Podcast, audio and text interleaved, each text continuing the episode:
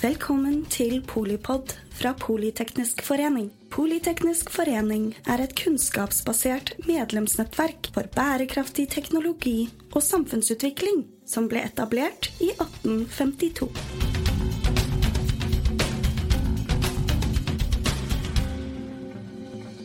Hjertelig velkommen til tredje og siste demokratifrokost denne høsten. Disse demokratifrokostene, tenker vi oss, skal bli sentrale arenaer for diskusjoner omkring demokratiets utfordringer og muligheter framover. Jeg heter Tore Rem, og jeg leder Universitetet i Oslos relativt nye tverrfaglige satsing UiO demokrati. Og igjen så er jeg raskt fremme med å takke Sparebankstiftelsen for sjenerøs støtte til vår arrangementsserie. Og jeg nevner også at dette arrangementet skjer i samarbeid med Kunnskapsbyen i Oslo, på engelsk kjent som Oslo Science City. Vi, vi ønsker at disse demokratifrokostene skal være åsted for kunnskapsbaserte samtaler. Det vil si at vi ønsker oss forskningens stemme, helst den fremste forskningens stemmer, for å belyse aktuelle demokratispørsmål. Deretter så satser vi på å få i gang en samtale, en som gjerne inkluderer politisk nivå.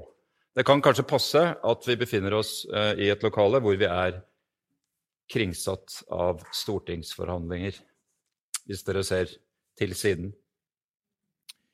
At en samtale er kunnskapsbasert, betyr ikke at svaret er gitt, at den ikke kan inneholde meningsbrytninger og kritikk, naturligvis, eller komme til å preges av engasjement, til og med sterkt engasjement. Alt dette kan utmerket godt være tilfellet med dagens demokratifrokost. Vi stiller nemlig spørsmål med, ved, ved hva slags konsekvenser det får når rettsstaten svikter. Vi lurer på hva dette, hvis vi nå tar utgangspunkt i Fosen-saken, eller den lengre historien om urett mot urbefolkningen og andre minoriteter, gjør med disse minoritetenes tillit til stat og storsamfunn. Vi lurer på hva det gjør for vår tenkning omkring demokrati, for ikke å si hva det gjør med hvordan andre tenker om Norge og vårt lands demokratiske, demokratiske praksis. Jeg skal ta opp så liten tid som mulig her, og i stedet kort presentere de tre forskerne som skal komme med relativt korte oppspill før panelsamtalen premissleverandørene, altså. Først ute er Jo Sagli, statsviter og forsker ved Institutt for samfunnsforskning, og bl.a. ekspert på urfolkspolitikk, sametingsvalg og tillit til institusjoner. Deretter følger Malcolm Langford, professor i offentlig og internasjonal rett ved Det juridiske fakultet, veldig nær der vi nå befinner oss fysisk. Eh, her tror jeg at jeg vil nøye meg med å betone at han er ekspert på menneskerettigheter, og at han også ledet et, eh, et stort prosjekt i det som het UiO Norden, som het Nordic Branding, der han interesserte seg for Nordens omdømme der ute. Og til sist i denne fine rekka kommer Anne Julie Sem, professor i statsvitenskap og dekan ved Det samfunnsvitenskapelige fakultet. Blant hennes faglige interesser er eh, spørsmålet om samenes politiske status i Norge, og også konflikter mellom stater og grupper. I denne sammenheng så taler hun ikke minst som medlem av Sannhets- og forsoningskommisjonen, kommisjonen for å granske fornorskningspolitikk og urett overfor samer, kvener og norskfinner. Eh, og Da er vi over i andre del, som altså vil bestå av en samtale ledet av Jette Christensen. Og Der er vi så heldige å ha med oss Maja Kristine Yoma, samisk politiker og medlem av Sametingsrådet. Kåret til årets ledestjerne av Dagens Næringsliv i 2021. Malcolm Langford ble også med i samtalen, sammen med Andreas Skjalg Underland, stortingsrepresentant for SV og medlem av justiskomiteen.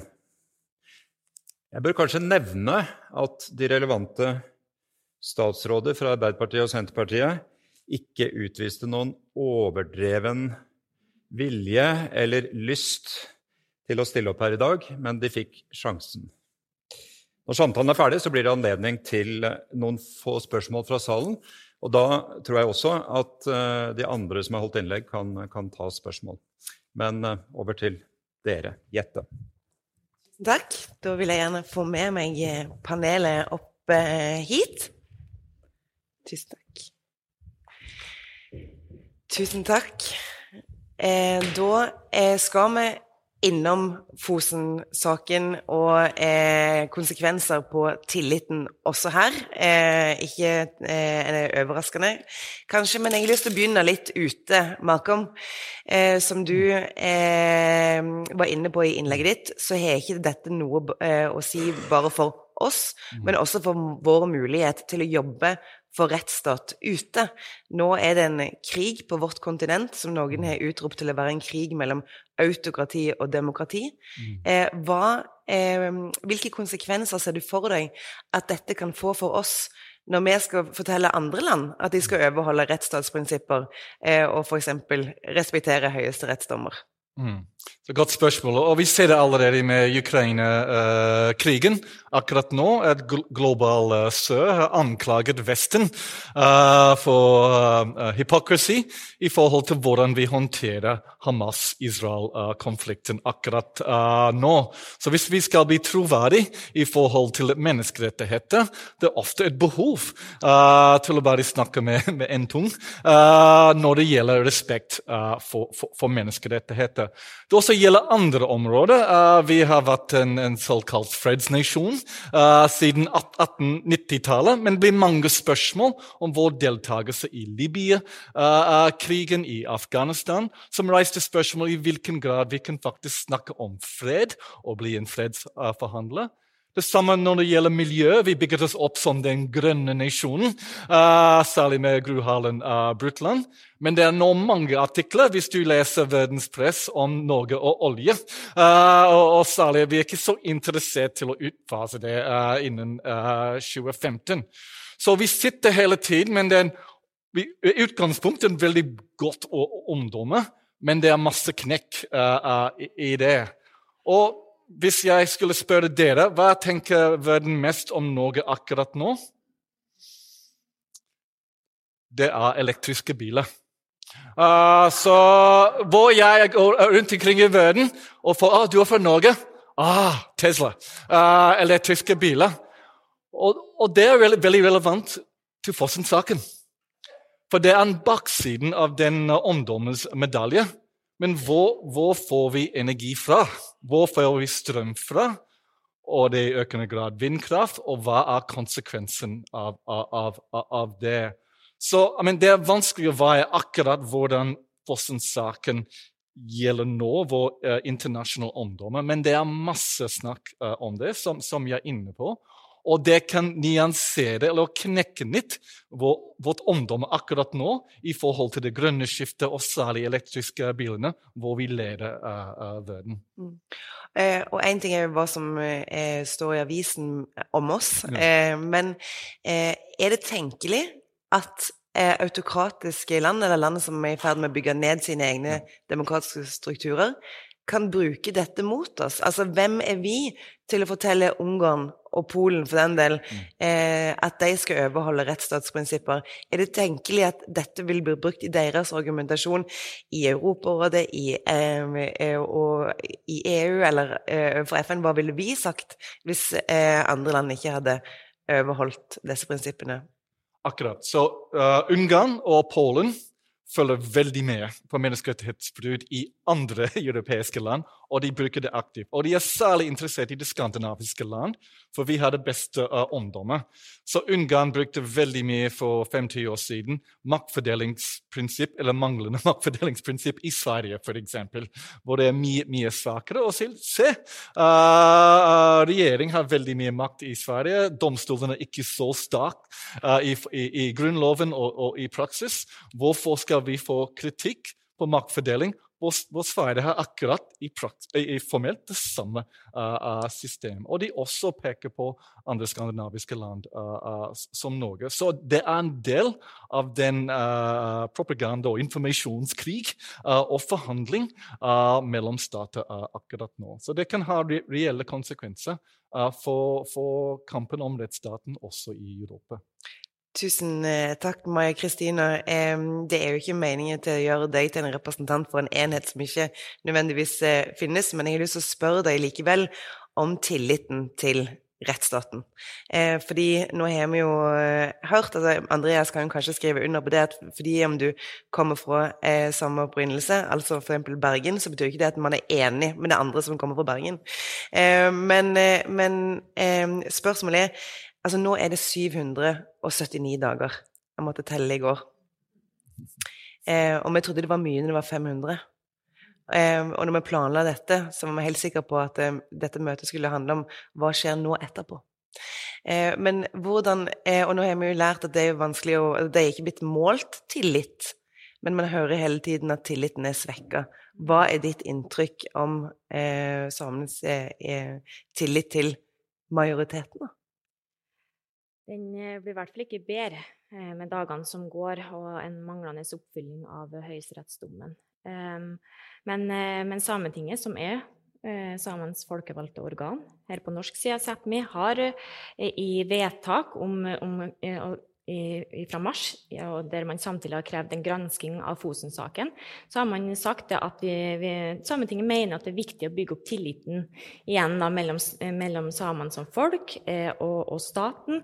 Først og fremst føre samene på, på, Fosen, men også føre, for samene som folk. Så det det er, eh, det er, en tillitskrise som, som eh, et enstemmig eh, Sameting stiller seg bak, og, og krever da samtidig gransking av denne saken. Så, og, og, når vi ser eh, andre prosesser som pågår, som er lignende prosesser, det er økende press på samiske områder, så hjelper ikke at det tar så lang tid på å reparere et pågående menneskerettighetsbrudd. Og og at vi bare har det i, i Norge, det er, det er, rart å tenke på, men det har Høyesterett eh, slått fast. Det er støtta opp fra, fra, fra, mange institusjoner. Og, og, men, men for, for, dem på Fosen så har jo denne saken vært mye lenger enn nesten 800 dager. Og når Sametinget har vedtatt eh, dette at man må gjenreise tilliten, hvordan skal man gjøre det? Ja, det er jo kanskje den som har, mis, altså som har gjort at det er mistillit, som har det overordna ansvaret. Og det er staten, og det er myndighetene. Og det kan man gjøre gjennom å vise handling, og vi, altså vilje til å, til å, gjøre handlinger til å, til å reparere det. Um, så vi venter fortsatt. Ja, Andreas er representanten for eh, myndighetene her i dag. Eh, tusen takk for at du ville grace us with your presence. Eh, det er hyggelig. Eh, grunnloven er jo eh, eh, det verktøyet man skal bruke når man utvikler politikk. det er jo folkets lov over makt. Det ikke, ser jo ikke ut som det er helt sånn åpenbart at det er et daglig arbeidsverktøy på Stortinget. Men, men hva er diskusjonene i gangene på det huset der borte tverrpolitisk også. Jeg regner jo med at eh, de aller fleste partiene på Stortinget er interessert i at det skal være en løsning på denne saken. At en eh, At man kan begynne med å bygge opp igjen denne tilliten, som jeg regner med at det er en interesse for.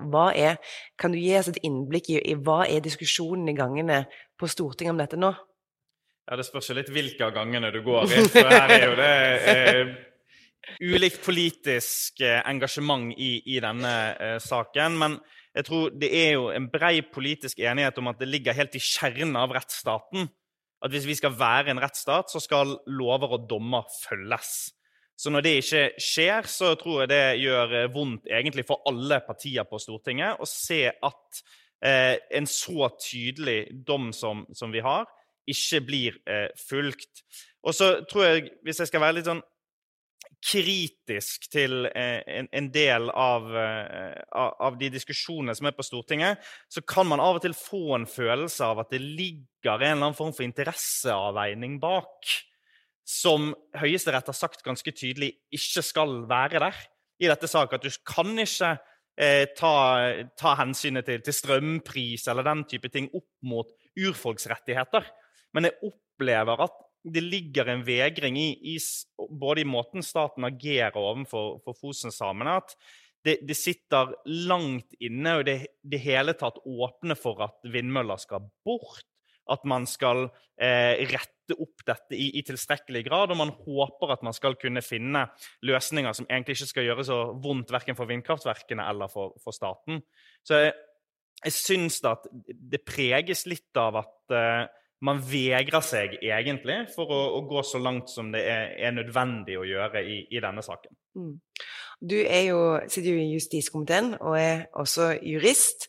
Um, så det gjør jo at du har mulighet til å se denne saken fra begge de to mørkeste sidene, um, nemlig politikken og jussen. Um, men det vi har uh, vært inne på nå, er jo uh, altså, rett, altså den, denne saken ikke bare som en eh, miljøsak, ikke som en eh, sak som dreier seg om eh, minoritetsbefolkning, men en, men en, sak som dreier seg om rettsstaten. Det var også det som eh, Dommerforeningen eh, problematiserte i, sine, eh, i, sitt brev, adressert til Stortinget og regjeringen.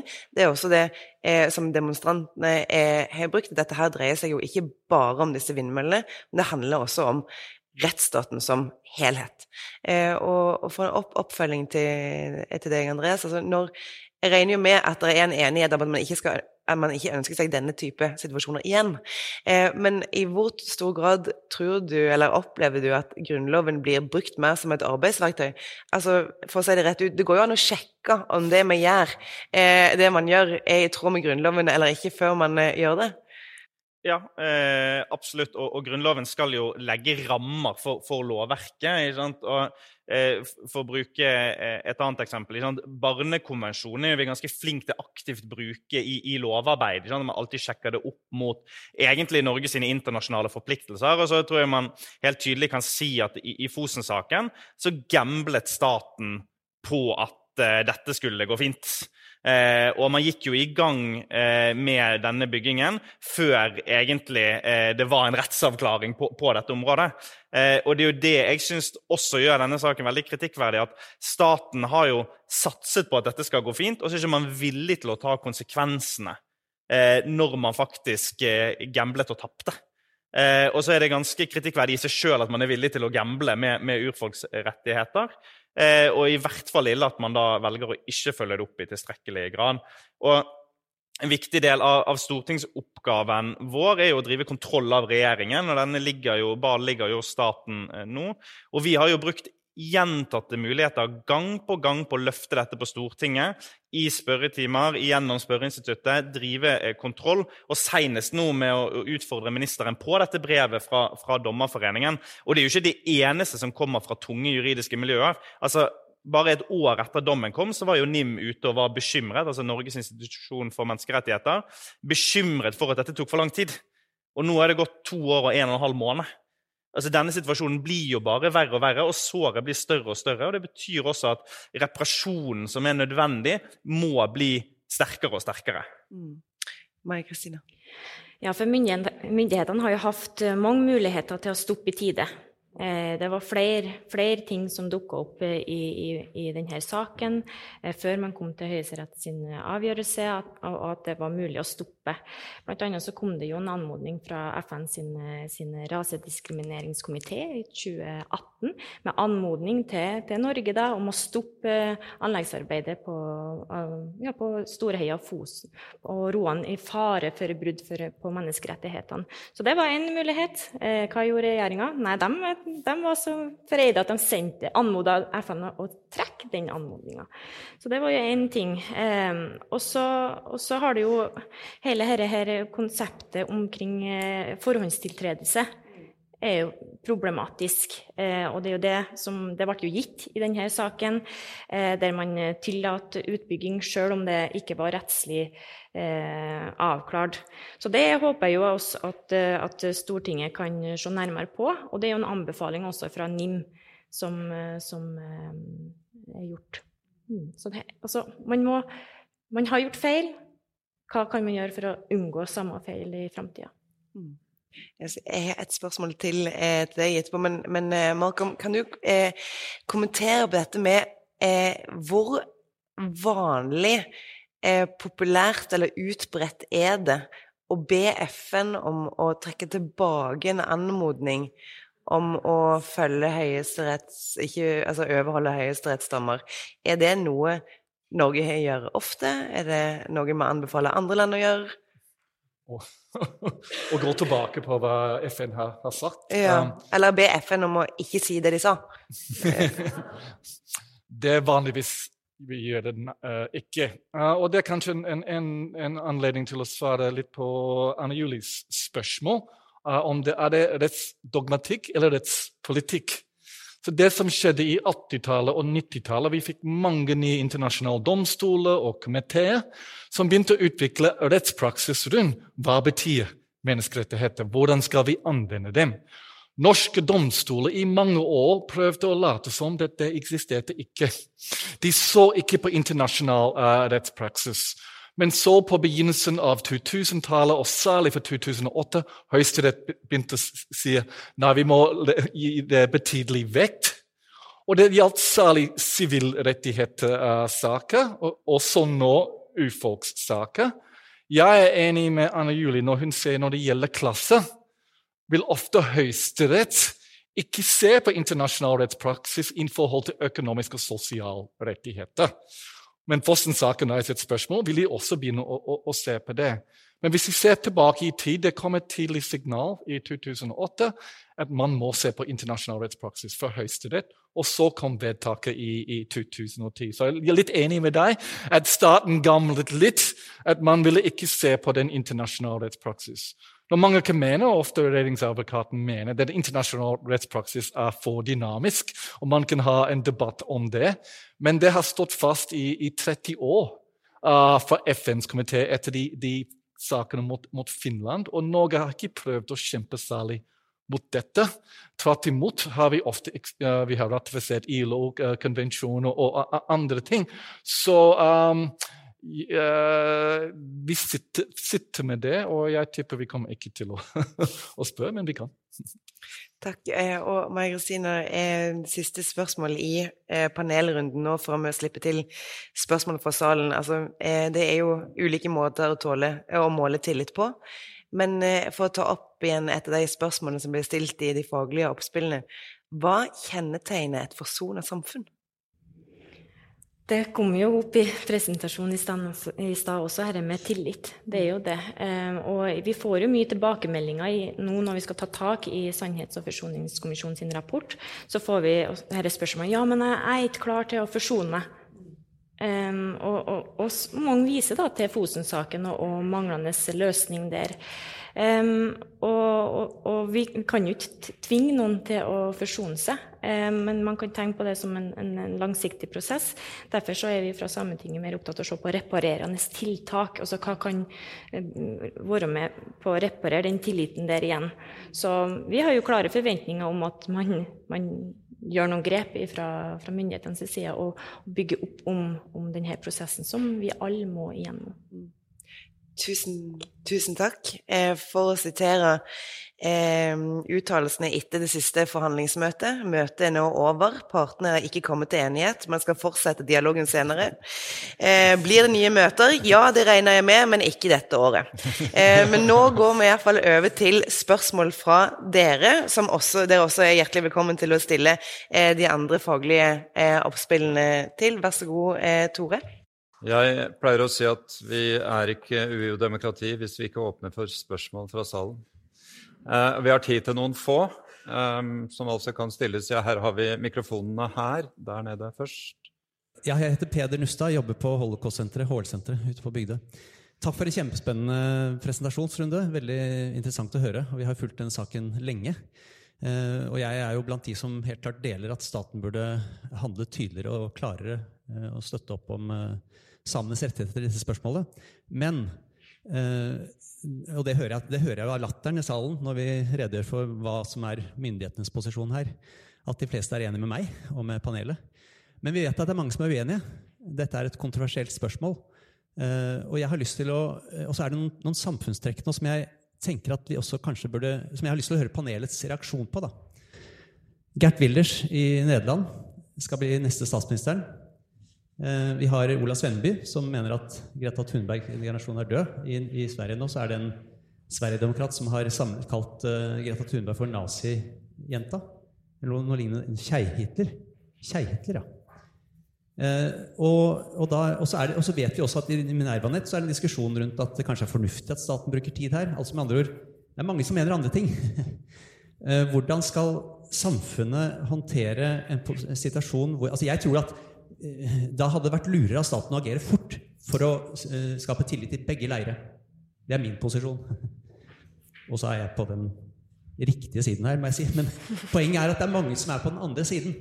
Hvordan mener dere at staten skal forvalte det å både opprettholde tillit i den samiske befolkningen og tillit i den høyrepopulistiske befolkningen, da, for å si det litt uh, tydelig? Hvem uh, føler seg kallet til å begynne med et svar på det? Ja, ja, jeg er jo helt enig, og jeg tror det du sier om at tidsaspektet her gjør jo bare situasjonen verre. og det vil jo også si at Denne saken er veldig krevende å stå i, spesielt for det samiske miljøet. Altså Amnesty hadde en ny rapport for ikke så lenge siden om at én av fire kommentarer om samer er negative og innebærer hets. Altså sånn, Det er svært svært krevende for de som har opplevd et, et brudd og et overgrep i utgangspunktet, og fremdeles måtte være den aktøren som kjemper for det. og så står jo det stemmer på andre siden, som mener jo eh, at eh, det ikke er riktig at det, skal være sånn, og mener at det skal foretas en interesseavveining. Men det er jo ikke i tråd med våre internasjonale forpliktelser, og det vi sier i Grunnloven, faktisk skal, skal være riktig. Eh, og her tenker jeg det er det at staten sjøl ikke i tilstrekkelig grad fyller opp sine forpliktelser, er med å gi grobunn til de miljøene. Eh, og Det er derfor jeg mener at den kritikken av staten er, er, ganske viktig, og at dette bruddet må repareres. For jo lenger det man rett og slett viser gjennom handling da, altså Én ting er å bruke mye ord og fine festtaler. Men så lenge det ikke følges opp med handling, så mener jeg det kan gi grobunn for, eh, for en del skumle krefter i, i samfunnet. Har du noen tanker om det, Maja Kristine?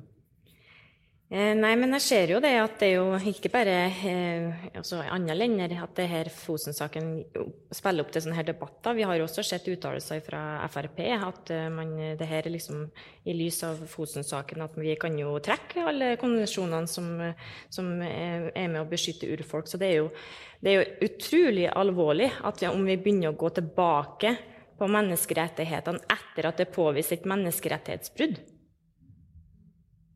Det er helt det klare prinsippet vi har, at vi må jo ha menneskerettighetene må ligge til grunn.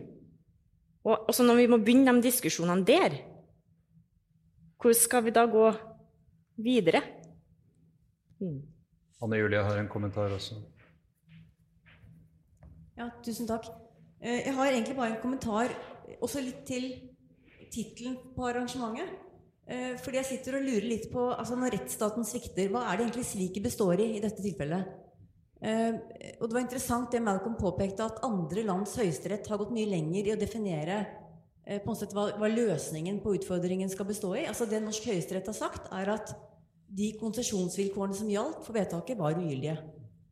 Og så har de ikke sagt noe særlig annet.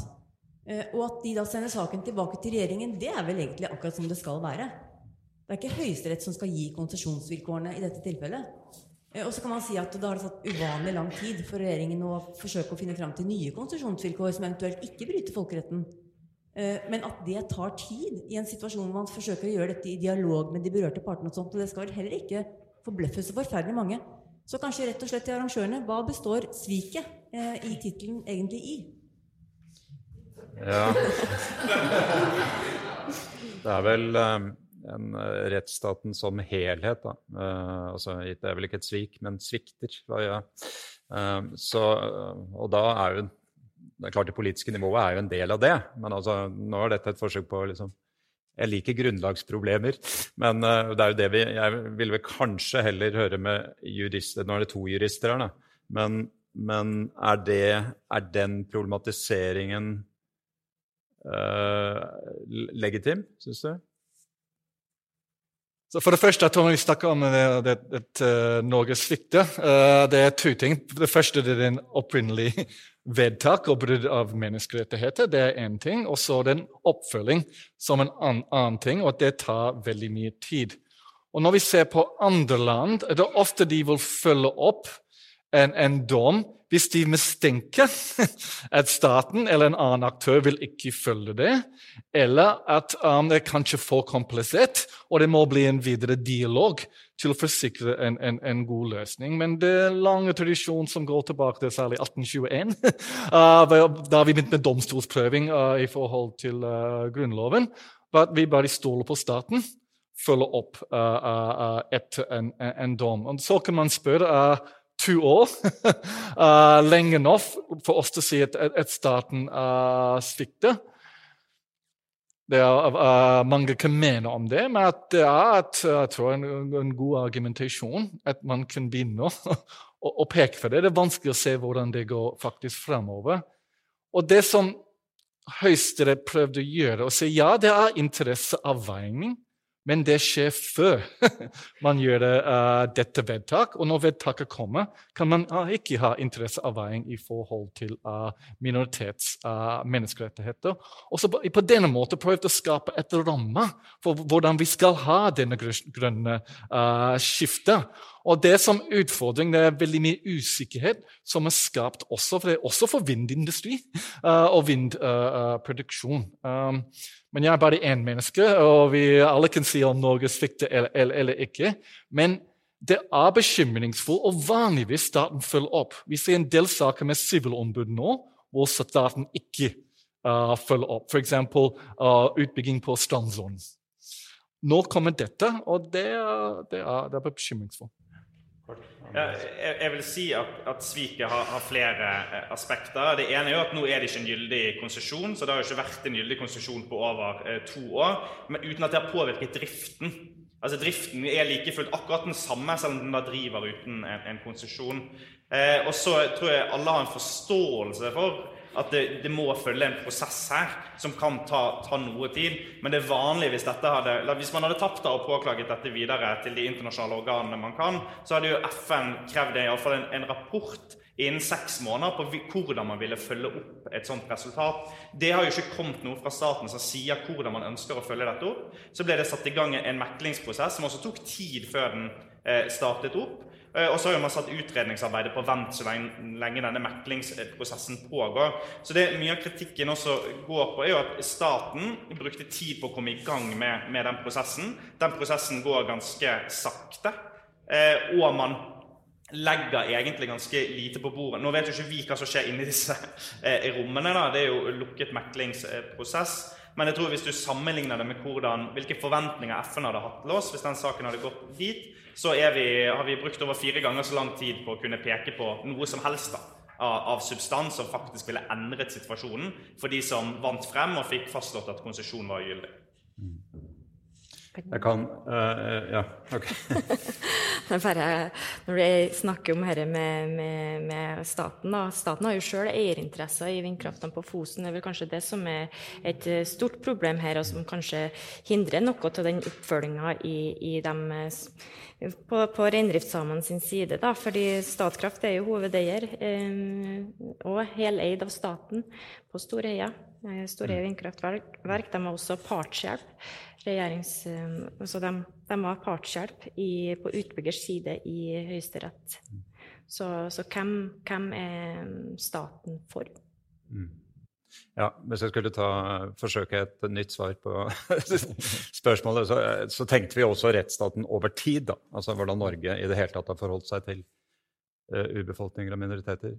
Da vil jeg til slutt takke Jette og dagens uh, bidragsytere for enda en spennende og opplysende frokost. Og den neste demokratifrokosten den finner sted eh, samme sted, samme tid, eh, 23. januar. Da skal vi snakke om menn, hadde vi tenkt, og særlig unge menns deltakelse i demokrati og samfunnsliv. Takk for at dere kom, og varmt velkommen tilbake. Lyttet til Polipod fra Politeknisk forening. Få med deg flere episoder, eller bli med på nettverksmøtene, som du finner ved å søke at polyteknisk, eller gå på vår hjemmeside polyteknisk.no.